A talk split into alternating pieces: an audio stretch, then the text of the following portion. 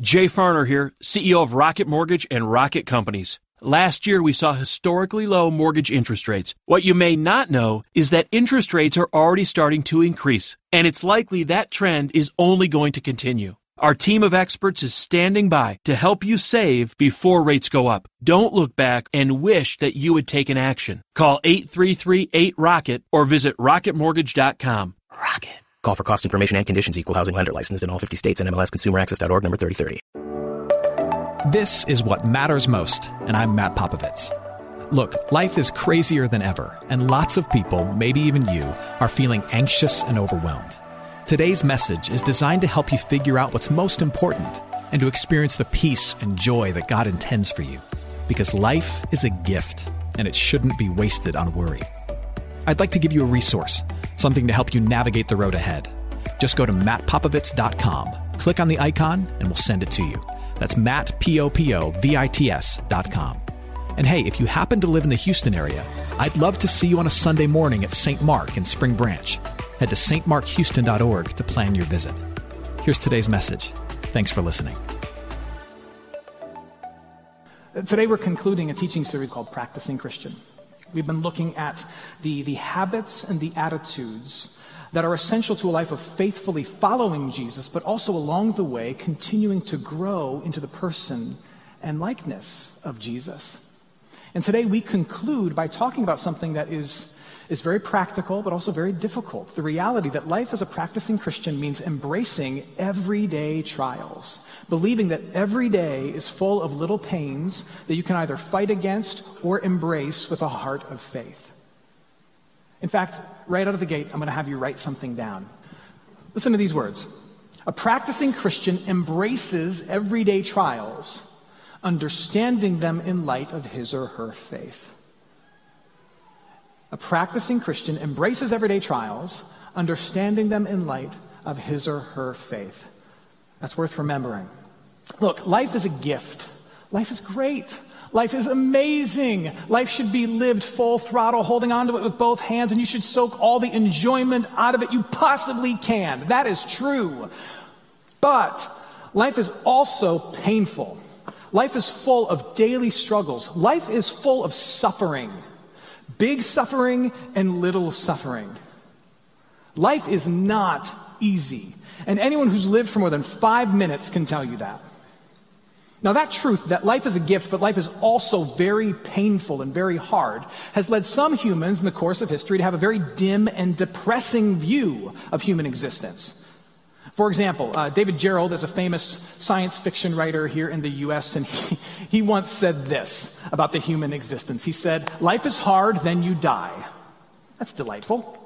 Then they throw dirt in your face, then the worms eat you. Be grateful it happens in that order. now, what he's saying is depressing, but it's not false. I mean, it is true. Life is hard and then you do die. I mean, Jesus says as much. The Old Testament says it. The New Testament says it. Life is gift, but life is painful. In fact, in the text I want to focus on today, James, the brother of Jesus, writing to a group of persecuted Christians, he says much the same thing. James is writing to a group of Christians who are persecuted for their faith, but they're also just living a difficult life in the first century. Life in the first century was, was difficult beyond belief to our modern minds for absolutely everybody. So not only were these Christians being persecuted for their faith, but they're also living in a world where, where half of all children born to families dies before the age of one. These are people who know pain and tragedy and trial. And listen to what James says to them. This is what James says. James chapter 1, verses 1 through 2. James, a servant of God and the Lord Jesus Christ, to the 12 tribes of the dispersion. That was the label put on the Christians who, because of persecution, they scattered around the known world. They called themselves the dispersion. He says, Greetings. Count it all joy, brothers and sisters, when you meet trials of various kinds. James gets right to it. Greetings, hello, life is difficult, let's talk about it. Notice he doesn't say if trials come. What does he say? When trials come. He also says trials of various kinds. The difficulties you go through are going to be of different levels of intensity, of different shades and different colors. Think of a trial like this. It is any kind of unmet expectation or unrealized desire that makes life more difficult. An unmet expectation that makes life more painful or more difficult. And again, these come in both big and small varieties. You expect, you desire the commute to work to be easy. It is not. It's painful. That's a trial. You expect, you desire your spouse to be faithful. He is not. That is painful. That's a trial. You want your middle schooler to be overflowing with lightness and love and obedience and joy. They are not. That is painful. It's a trial. You expect, you desire your depression to go away. But it doesn't. And that is painful. That's a trial. Now, it seems so basic, but, but part of life as a practicing Christian is admitting that there are pains. Admitting openly that life is painful. Now, now, for some of us, just, just recognizing and stating and admitting that, that in and of itself is a breakthrough for some of us. Because some of you have been living in a world where you believe that to admit the pains and the problems of life is somehow to be an ungrateful complainer. And so you just have this stiff upper lip and you never admit to yourself or others that there is pain, that there is hardship, that life is anything other than ideal because you don't want to be a complainer. Now, to admit that life is painful doesn't make you a bad person. It just makes you honest. And maybe some of you need to hear this. It's okay to tell other people that life is not okay. You're allowed. Now, this is also a breakthrough to admit uh, for those of you who grew up believing that life with Jesus was supposed to be easier than life without him. For those of you who have been taught that, that people who have faith in Jesus, they somehow should go on from victory to victory to victory and they should avoid some of the, some of the more harmful, painful problems of life. And, and I don't know, I don't know who sold you that lie, but it is in fact a lie. And you've been hesitant to admit when life isn't great because somehow you've interpreted it as admitting weakness in your faith. But that's not the case.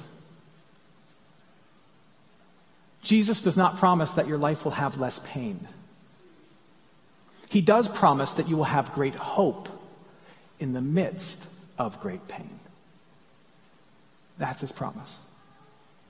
He does not say you'll avoid difficulty. He tells you that he has overcome difficulty for you and gives this promise of ultimate victory to you. That's what he says. Which, which begs us to ask the question well, what is the ultimate hope that we have in the midst of our trials? And very quickly, it's this it's this hope that no matter what you face, you will always and forever be forgiven. It's the hope that no matter what comes against you, no matter how scary and powerful it is, Jesus is more powerful. Look at what he's overcome. He, he rose from the dead. There's this empty tomb. So he's greater than whatever great thing is scaring you. There's this promise that even if the trial and the difficulty you're facing completely crushes you, say it even kills you, that, that Jesus promises this resurrection and this ultimate victory in the very end for you. Those are the things you hold in your hand as the great hope of your heart. That is your great possession that you hold to in times of trial. But that's not all. James continues. And listen to what he says to these persecuted Christians. He says, Count it all joy, my brothers and sisters, when you meet trials of various kinds. Here comes the important part. For you know that the testing of your faith produces steadfastness. And let steadfastness, the ability to hold on and keep going, have its full effect. That you may be perfect and complete, lacking in nothing. In those two verses, there are four words that stick out to me testing, perfect, complete, and produce. Testing, perfect, complete, and produce. What these verses are meant to say to you is that God is using trials to do something in you and to you. You see this throughout the scriptures. Practicing Christians are called to believe that God uses trials like a tool to transform us. He uses every struggle to mold us and to shape us. You may say, well, that's not fair. Why does God have to work that way? And I'll say this everything in God's world works that way. How do, how do you think character is built? How else is faith supposed to be strengthened? When else is your hope going to be experienced and expressed? How, do you think your, your appreciation for the grace and the goodness and the mercy of God is supposed to deepen and be enriched? Is it through times of ease? No. It's through resistance. It's through struggle. Last week I was chatting with my daughter after she got home from track practice. It was her first track practice. She's not run a day in her life. Now she's on the track team. Go figure. And she came home and she's bemoaning the fact that like every muscle in her body hurt. She's like, muscles I didn't even know I have, they all hurt. I don't think I'm made out for this. I think I'm doing it wrong. I'm like, no, that's kind of how it works. That's probably a sign that you're, you're doing it right. This is how muscles and strengths and skills are developed. You get broken down and then you get built back up. And that's what God is doing in your trials. That's what a person of faith believes. He uses trials like a tool to transform, and He's transforming you. I hope you're enjoying today's message. For more of what matters most, you can head to mattpopovits.com. There you'll find other messages. You can support this ministry as well as access your free gift. Oh, and if you're looking for a local church and you live in Houston, come and see what's happening at St. Mark Houston. To plan your visit, head to stmarkhouston.org. Thanks for listening, and back to today's message. Do you know what faith is? One of the ways in which you could define faith is like this faith is faith is seeing things from God's perspective and choosing to believe what he sees. Faith is seeing your own life from God's perspective as revealed to you in His Word and choosing to believe what He says about you. Mean, that's what God's Word is. It's God's perspective about our world and about you, and then you choose to believe His perspective about you rather than your own dim, unenlightened human perspective. And what's happening in the book of James and then throughout the scriptures is James is trying to help you see your own daily pains and struggles, the huge ones, the tiny ones, from God's perspective. And here is God's perspective. You and I, we can't help but be overwhelmed when we endure struggles. But God is not so concerned about what you're enduring. God is concerned by who, about who you're becoming. We focus on what happens to us each day. God is focused on what's happening in us each day. We see our trials for what they are on the surface an annoying coworker or a horrible diagnosis. God sees our trials for what they can accomplish in us long term. You see the difference? We focus on what's happening to us, God focuses on what He's doing in us and through us with this trial. So, so a practicing Christian has a perspective like this when daily trials come. They, they, they admit that it's awful. They, they openly say, This is not ideal. I don't like this. This stinks. They, they admit that it's not what they want. But then they also say something like this I believe that God is using this for my good. He uses our trials like a tool to transform. So, so, then, how does this work practically? Like when you're stuck in traffic on I 10 or when you're up all night worried about how your dad's going to do as his health deteriorates. And this is where James's first words come in. And it's easy to write off these words, okay? But, but these words are actually James's instruction to trial ridden, burdened people. This is, this is what he says, how he says we should deal with it. He says this right out of the gate. It's four words, they're in orange. Why don't we read these words together? Count it all joy. That's his advice. That's his instruction. Count it all joy, my brothers and sisters, when you meet trials of various kinds, for you know. Count it all joy. Now, here's the truth. When you face trials and struggles, you're going to count it as something. You always do. The word that is translated as count here is the word James uses that means to categorize, to ascribe, or to assign, to choose to see this thing from a certain perspective. Uh, you could say uh, that James is saying, when you meet trials of various kinds, you have a choice of different categories you could put this difficulty in. And you, follower of Christ, you put it in the joy category, which seems counterintuitive, but when you face a trial, put it in the category of joy. Now, now when trials come, you may be the kind of person who counts it all as judgment. Oh, God's mad at me. Look how life is turning out. Must have done something wrong. Others of you, when you, when you face a trial, you, you count it all as failure. Man, if I had my life together, I wouldn't be facing problems like this. When trials come, you will count it as something. What do you tend to count it as? James says you should count it as joy. Count it as joy. Now, I'm tempted to take James's advice and think that he's telling me that when something bad happens, I should just be fake and pretend I have joy over it. That in the face of pain and struggle, the Christian response is to slap on a smile and a phony grin and say, I got the joy of the Lord. But I don't think that's what he's talking about. But, but it makes me think of the fact that, that Lisa and I, we just finished watching the Netflix show Cheer. Have you seen it? It, it, was, it was fascinating. If you've not seen it, I highly recommend it. It's these competitive cheerleaders in a small town in Texas, and, and they are like some of the best athletes you will ever see. Not since the Egyptians have people worked so hard to build a pyramid, let me tell you. They are beasts. But, but the craziest thing is their ability, their ability after like rolling an ankle or falling from the top of the pyramid as they're trying to figure it out and landing on their face, their ability to immediately jump up, put on a fake smile, and just keep clapping. It is admirable. It really is. You know that they're dying on the inside, but on the outside, it's just big smiles and spray tans. That, that is not what James is talking about. That's admirable in competitive cheerleading. That is not the life of a practicing Christian. Counting it all joy is not putting on a fake smile and pretending we're fine. We've got enough of that in this world. Joy is deeper than happiness. Happiness is, is an emotion on the surface that can easily be faked.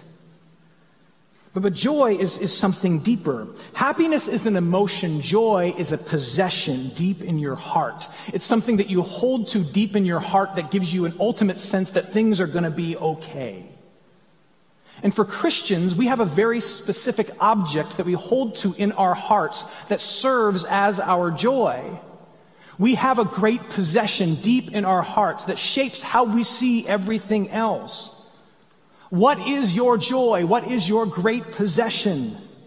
Your joy, your great possession is the truth that you are forgiven by God, that you, you are loved by God, that you are chosen by God. You're being worked on right now by God.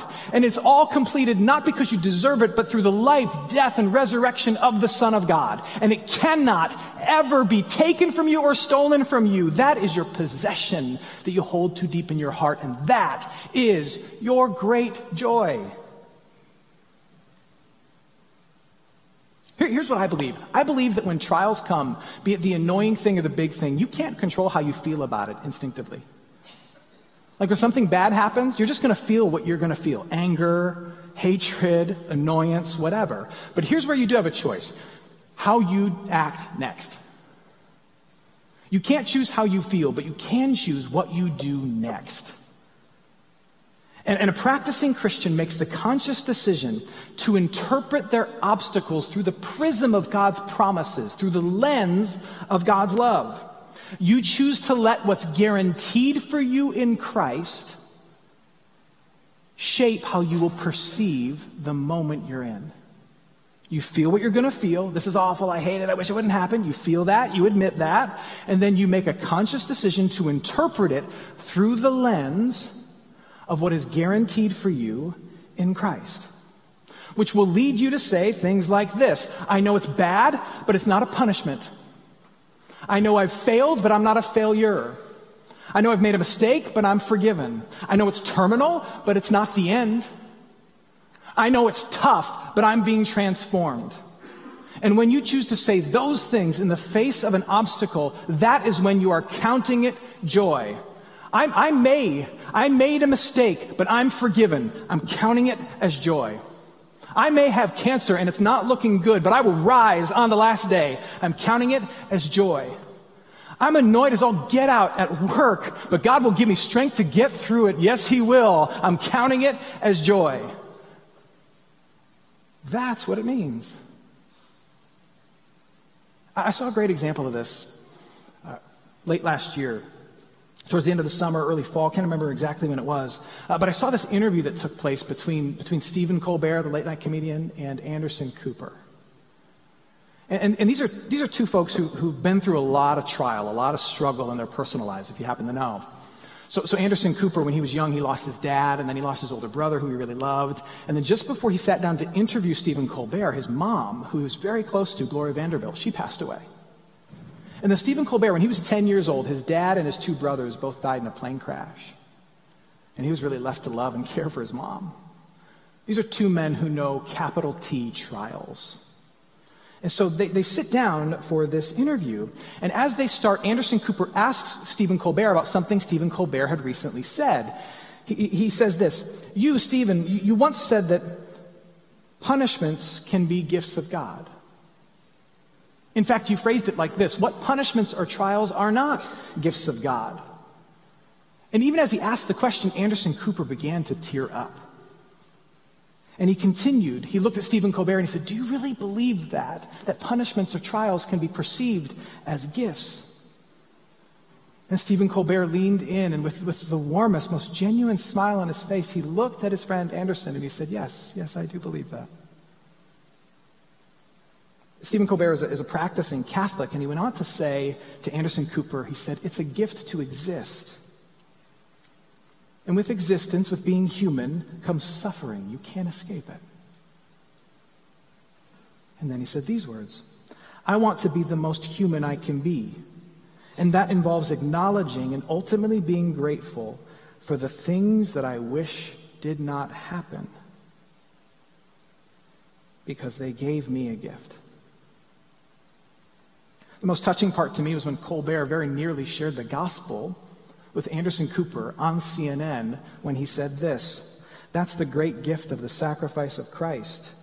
God suffers too, and you're really not alone. God does it too.